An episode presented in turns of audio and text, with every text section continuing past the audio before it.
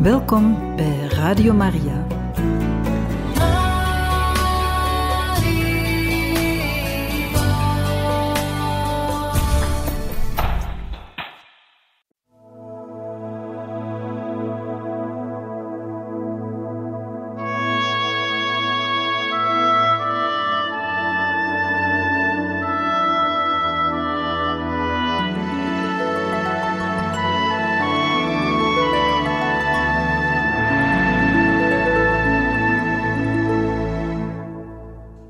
Beste luisteraars van Radio Maria, in dit programma Heilige Getuigen gaan we verder met de lezing uit het boek over Johannes van het Kruis, met de titel Geboren uit Gods adem en geschreven door Crisogono de Jesus. We zijn ondertussen gekomen bij hoofdstuk 17, langs de wegen van Andalusië, reizen, stichtingen en visitaties, van 1585 tot 1588. Bij het onderwerp Malaga, een klooster waar hij een voorliefde voor heeft.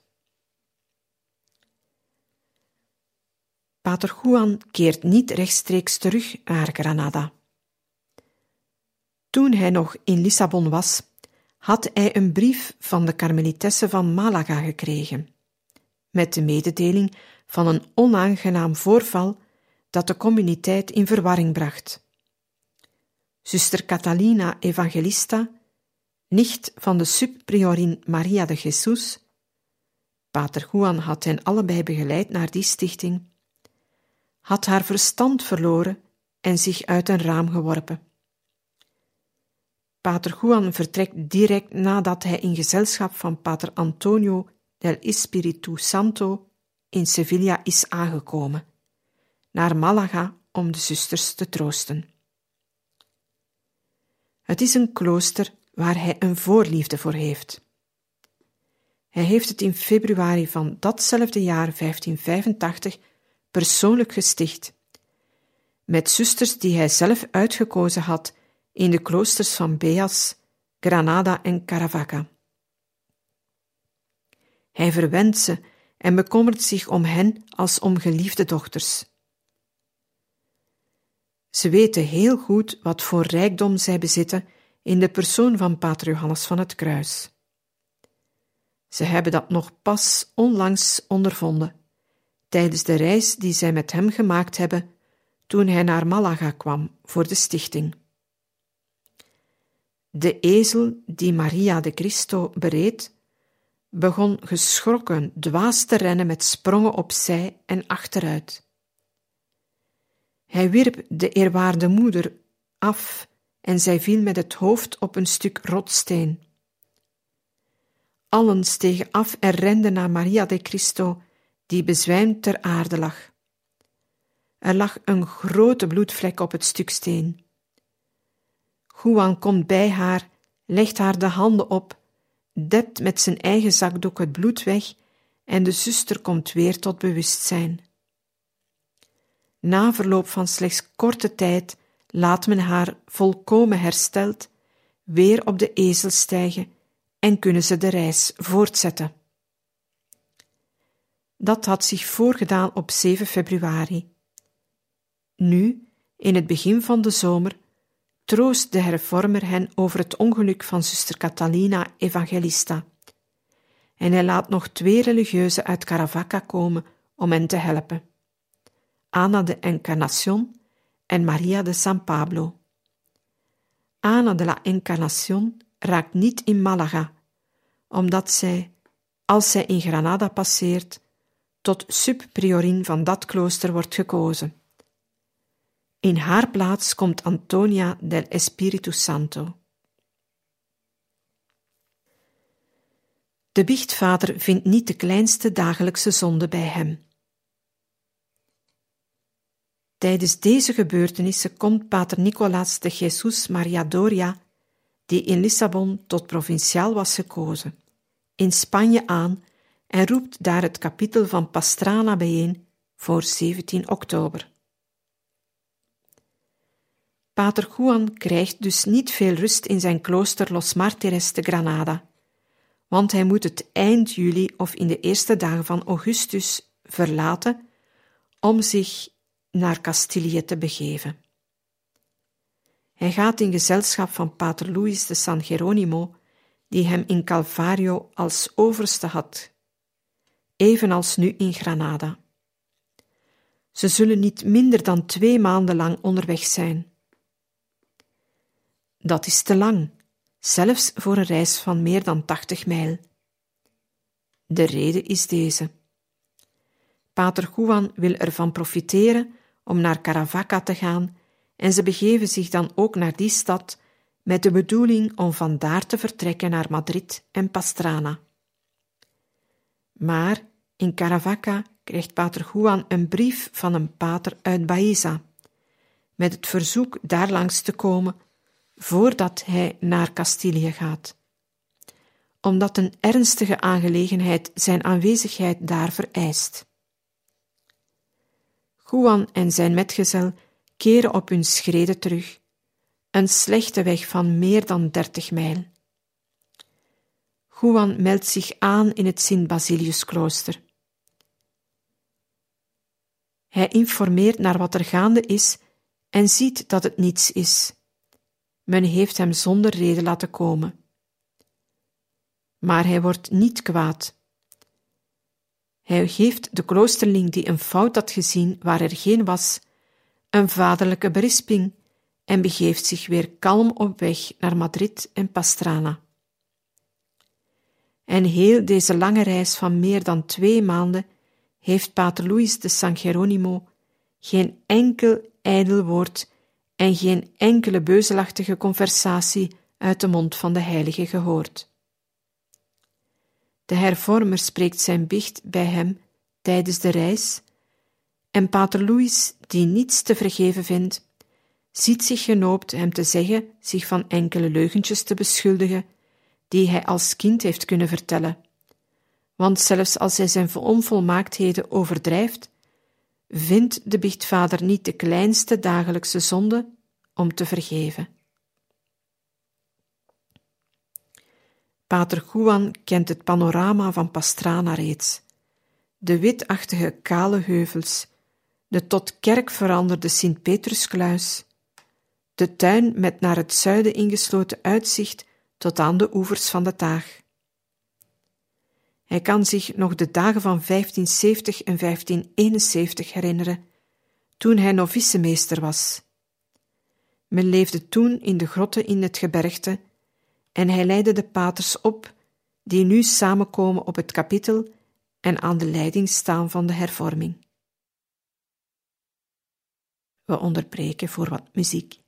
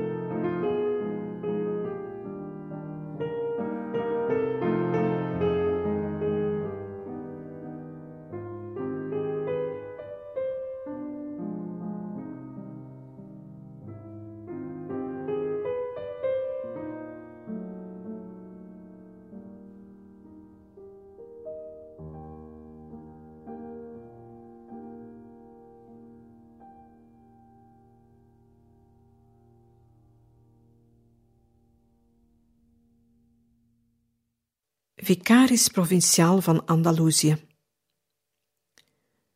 De definitors waren al in Lissabon gekozen, Juan als tweede definitor. Het kapitel van Pastrana beperkt zich tot de behandeling van problemen die de hervorming aangaan en het luisteren naar de plannen van de nieuwe provinciaal. Als hij ziet hoezeer de kloosters van ongeschoeide zich vermenigvuldigd hebben, wat het bestuur voor één enkele provinciale overste moeilijk maakt, stelt Pater Doria voor de hervorming te verdelen in vier districten of semi-provincies. Aan het hoofd daarvan zal men een definitor plaatsen, die vicaris provinciaal zal zijn. Oud-Castilië en Navarra zullen de eerste van deze semi-provincies worden. Nieuw-Castilië tweede, Andalusië derde en Portugal vierde. Pater Geronimo de la Madre de Dios wordt tot vicaris van deze laatste benoemd. Pater Gregorio Nacianceno van Oud-Castilië en Navarra. Pater Juan Bautista van Nieuw-Castilië en aan Pater Juan de la Cruz vertrouwt men de provincie Andalusië toe. De provinciaal zet zijn bestuursprogramma uiteen. Krachtig reagerend tegen de inschikkelijke zachtheid van de vroegere provinciaal, Geronimo Gracian, plant Pater Doria het vaandel van de observantie in een heftige aansporing die de capitulanten onder de indruk brengt. Strenge observantie, paters, zegt de provinciaal tegen de capitulanten, die bevend naar hem luisteren. Strenge observantie, het beetje observantie die u ziet, zullen we zeer snel verliezen. Ik zou mijn geweten niet volgen, paters, als ik het u niet vaak herhaalde. U moet allen goed begrijpen dat dit mijn taal, dat dit mijn bekommernis, dat dit mijn opzet zal zijn.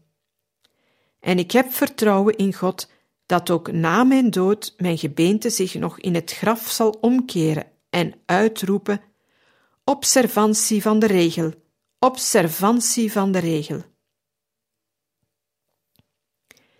Als dragers van dit consigne verlaten de capitulanten Pastrana. Juan, nu vicaris provinciaal, keert terug naar Andalusië.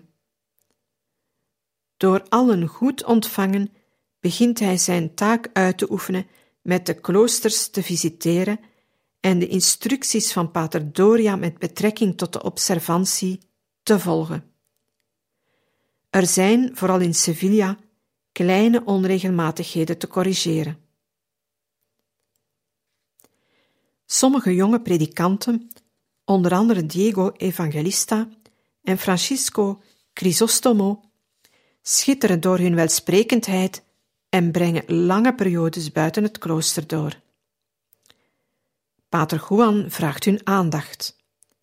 Hij laat hen de inconveniënten van hun levenswijze zien en verplicht hen tot grotere teruggetrokkenheid, overeenkomstig de eisen van de geest van de ongeschoeide. Ze nemen de opmerking van de vicaris provinciaal niet goed op en blijven een wrok tegen hem koesteren. Die wrok zal jaren duren, in afwachting van de revanche die ze veel later zullen nemen, elk op zijn eigen manier. Pater Diego door een lastelijk proces tegen hem aanhangig te maken, met de bedoeling Pater Juan uit de hervorming te laten zetten en Pater Francisco Crisostomo, prier van Ubeda in 1591, door de laatste dagen van de hervormer te vergallen. De jurisdictie van de vicaris provinciaal van Andalusië strekt zich over tal van plaatsen uit. Hij moet zijn ambtsgebied minstens eenmaal per jaar voor een officiële visitatie doorkruisen. Er zijn kloosters in Granada, in Calvario, in La Penuela, in Malaga, Caravaca, Sevilla en Guadalcazar. Hij moet ook zorg dragen voor alle kloosters van Moniale die zonder uitzondering onder de rechtstreekse en totale rechtsmacht van de orde vallen. Hij moet dus heel Andalusië en een deel van het koninkrijk Murcia door. Hij laat een spoor van heiligheid na. Johannes van het Kruis legt de korte afstanden te voet af en wanneer de route langer is, op een ezeltje met weinig tuig. Hoewel hij vergezeld wordt door een andere pater of een lekenbroeder, hebben ze maar één ezel waar ze om de beurt op rijden. Als de reis heel lang is, nemen ze in plaats van een ezel die niet genoeg weerstand zou hebben, een muildier mee met een zadel. Zonder stijgbeugels op het muildier gezeten, leest Juan de Bijbel, zingt hymne tot de Heilige Maagd, psalmen van David, versen uit de gezangen van Salomo of keert in gebed tot zichzelf. Hij wijdt zich daar soms zo intens aan dat hij in zichzelf verzonken bij de geringste misstap van het dier van de muilezel valt. Pater Diego de la Concepción, die hem als secretaris vergezelt bij enkele stichtingen en die hem vaak geobserveerd heeft, zorgt dat hij achter hem aanloopt om te vermijden dat hij valt. Er worden heel wat tochten langs velden en wegen afgelegd, maar hij laat overal een spoor na van heiligheid. Dit wordt zelfs opgemerkt door personen die niets afweten van zijn spirituele fijngevoeligheid. Op een dag komt, kort nadat Pater Juan een herberg verlaten had, waar hij zich enkele ogenblikken had opgehouden om zijn etel te vreten te geven, Pater Geronimo de la Cruz daarlangs. De herbergier vraagt hem wie die broeder is die vlak voor hem is langsgekomen en die daar heeft halt gehouden om zijn reisdier te voeren. Pater Geronimo vraagt hem waarom hij die vraag stelt. Omdat het ongetwijfeld een heilige is, antwoordt de herbergier. En de mensen die daar in de herberg zijn, verzekeren dat hij op hen dezelfde indruk had gemaakt. De hervormer neemt zijn reizen beslist niet als recreatie op. Voor wat zijn eigen persoon betreft, houdt hij zich onverbiddelijk aan dezelfde geest van boetvaardigheid in maaltijden en lichamelijke verstervingen als in het klooster. Hij slaapt op de grond, op een deken, en wijst het aanbod van bed en beddengoed dat zijn gastheren en muilezeldrijvers hem doen van de hand. Hij berispt pater Juan Evangelista omdat die gevraagd heeft forellen te serveren, die de waard van de herberg hem goedkoop had aangeboden. Daarentegen is het bij een andere gelegenheid pater Evangelista die hem een standje geeft, omdat hij gezien had dat hij gaas ondergoed met kleine knopen droeg. Hij verbaast zich dat hij onderweg zoiets draagt bij zijn wankele gezondheid. Het is iets dat hij in geweten niet mag doen. Zwijg, mijn zoon, antwoordt de hervormer. Het plezier dat we hebben om te paard te komen, moet genoeg voor ons zijn. Het hoeft niet allemaal rust te zijn. Te tijd weten echter uitzonderingen te maken. Als ze van Malaga naar Sevilla gaan, vinden ze in de herberg de hond in de pot er is zelfs geen brood met wat wijn meer. Martin de la Assumption, die hem vergezelt, zegt het hem. Ze zijn al besloten dat er niets anders op zit dan te vasten. Wanneer er een edelman langskomt die zonder te weten wat er aan de hand is, zich haast om hen uit te nodigen. Vandaag, zo zegt hij hun, kunt u niet minder doen dan mijn gasten te zijn en samen met mij te eten. Pater Juan voelt niet de minste scrupules. Hij neemt het aanbod aan en ze eten heel goed op kosten van de edelman, die volgens zeggen van broeder Martin een zeer goede provisiekast heeft. We onderbreken hier voor wat muziek.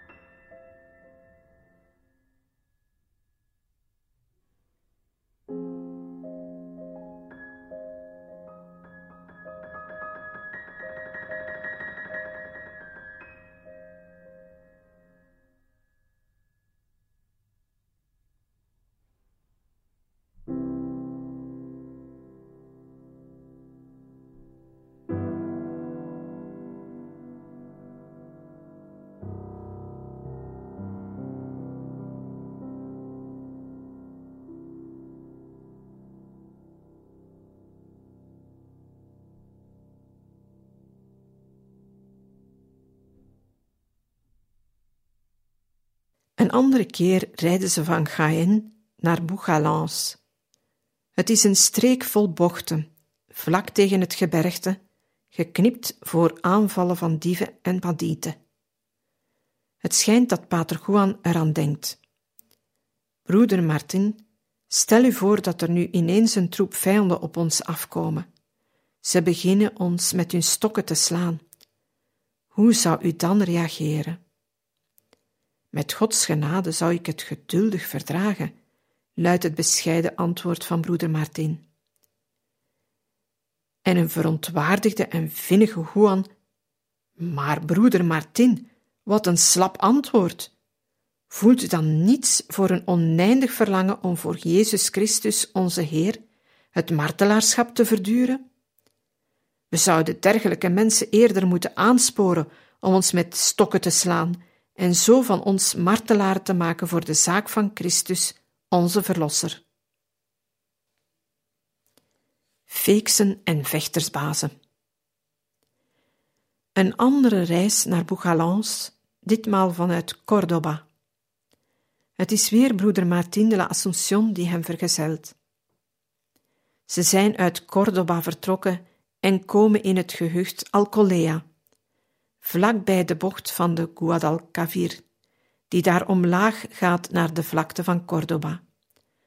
Wanneer er een vrouw in de deur van de herberg verschijnt, met provocerende gebaren voor de mannen die zich daar bevinden.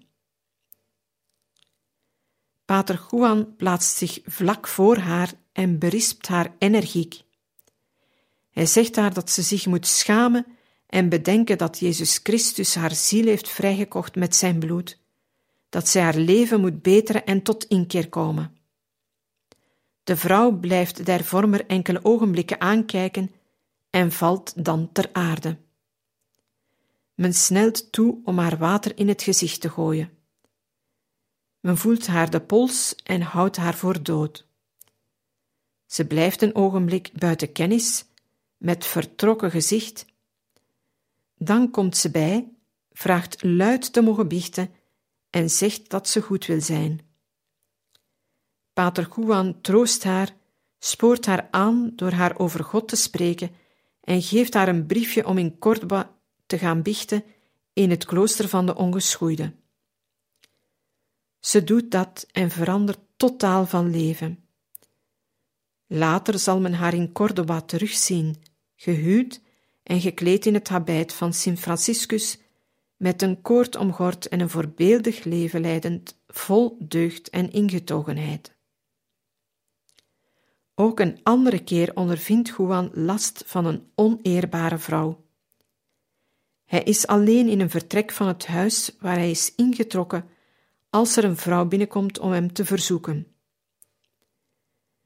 Tegenover de weigering van de ongeschoeide geplaatst, dreigt de feeks hem aan te klagen als hij geen gevolg geeft aan haar wensen. Dat doet me niets, antwoordt Juan, en zijn mantel om zich heen slaand, gaat hij in een hoek zitten, tot zij, het moe om hem nog langer lastig te vallen, ophoudt met hem voorstellen te doen. In een herberg van Benalua tussen Granada en Jaén. Pater Juan komt daar samen met broeder Martin voorbij op het ogenblik dat daar twee mannen voor de deur woedend aan het vechten zijn met messteken. Een van hen bloedt reeds uit een wonde aan de hand. Juan gaat op zijn ezel naar hen toe en roept hun toe: In de naam van onze Heer Jezus Christus beveel ik u geen ruzie meer te maken. En hij werpt de hoed die hij in de hand heeft tussen de vechtersbazen. Als bij toverslag blijven de twee mannen roerloos staan en kijken elkander aan. Juan stapt van zijn ezel, laat hen elkaar omhelzen en verkrijgt zelfs dat ze elkaar over en weer de voet kussen als teken van vergiffenis. De mensen uit de herberg die het hele tafereel hebben aangezien en die, voordat Juan langskwam, vergeefs hadden geprobeerd de twee vechters te verzoenen, zien er een wonder in. We onderbreken hier voor wat muziek.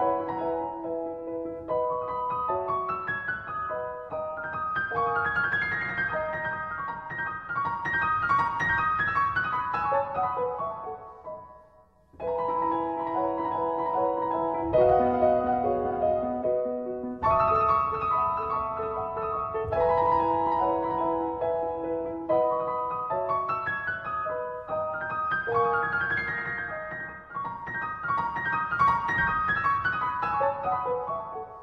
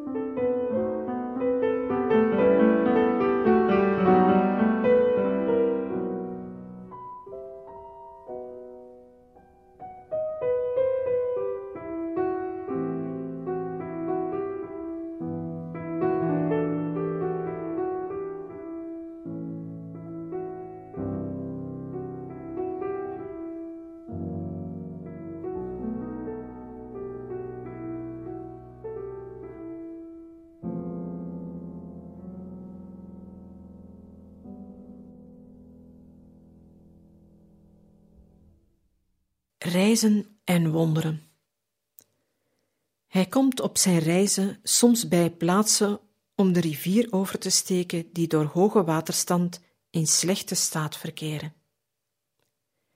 In gezelschap van Pedro de la Madre de Dios, op weg van Castilië naar Andalusië, komen ze bij een rivier waarvan het buiten de oevers getreden water hun de weg afsnijdt.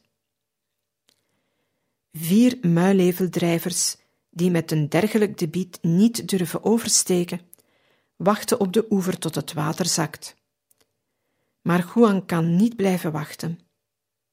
Pedro achterlatend, werpt hij zich op zijn muildier, gezeten in de stroom.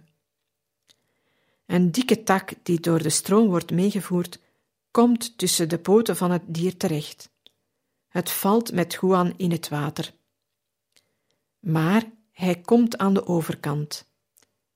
Het lijkt hem of hij door de heilige maagd aan de slip van zijn mantel is meegetrokken. Hij roept Pedro toe niet over te steken, voordat de stroming minder is geworden. Ondertussen gaat hij zelf naar de nabijgelegen herberg op een halve mijl van de rivier.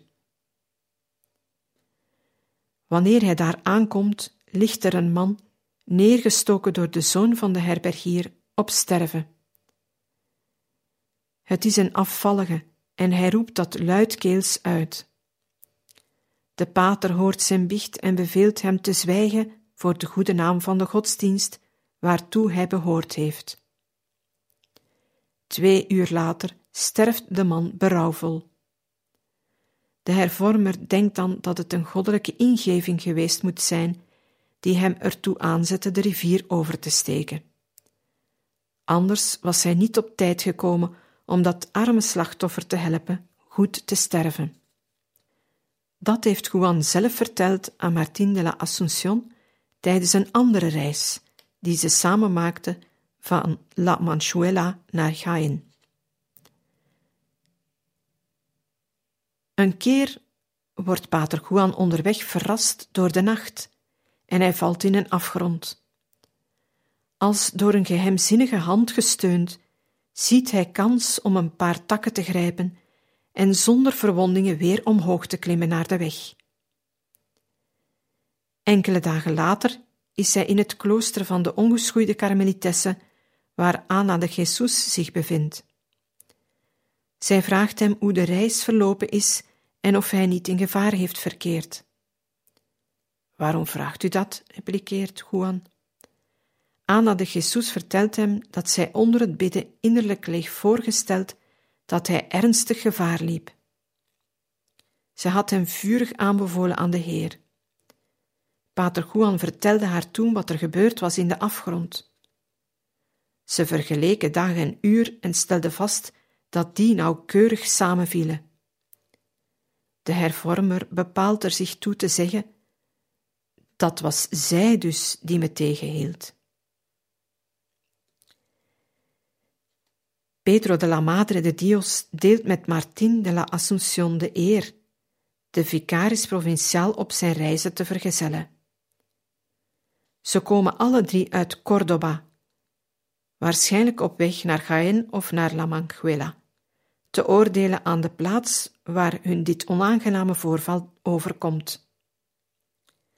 Vlak bij de rivier de Salado, die onderlangs Porcuna naar de Guadalquivir stroomt, begint Pedro bij het afdalen van een van de talrijke hellingen die door deze streek lopen, te rennen. Pater Vicaris en broeder Martin de la Ascension blijven achter en zien hun metgezel hollend de helling afdalen. Maar als het op zijn hardst gaat, maakt Pedro een spectaculaire val. Martin begint te lachen. Lach niet, zegt Pater Juan hem, onze medebroeder is er heel slecht aan toe. Wanneer ze bij de plaats van de val komen en van het zadel stappen, zien ze dat het been van de broeder op een geknakt riet lijkt. De beenderen zijn ontwricht, maar er zijn geen uitwendige wonden. Pater Juan verzorgt het. Ze stappen op het muildier en de reis wordt voortgezet. Bij de eerste, de beste herberg nabij Los Filares, stoppen ze om te eten.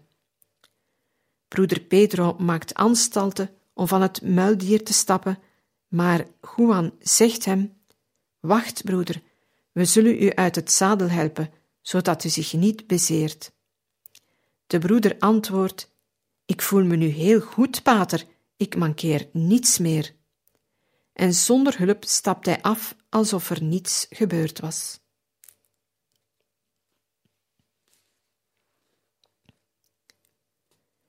De Sint-Rochus-kluizenarij wordt een karmelitessenklooster. De eerste meidagen van 1586.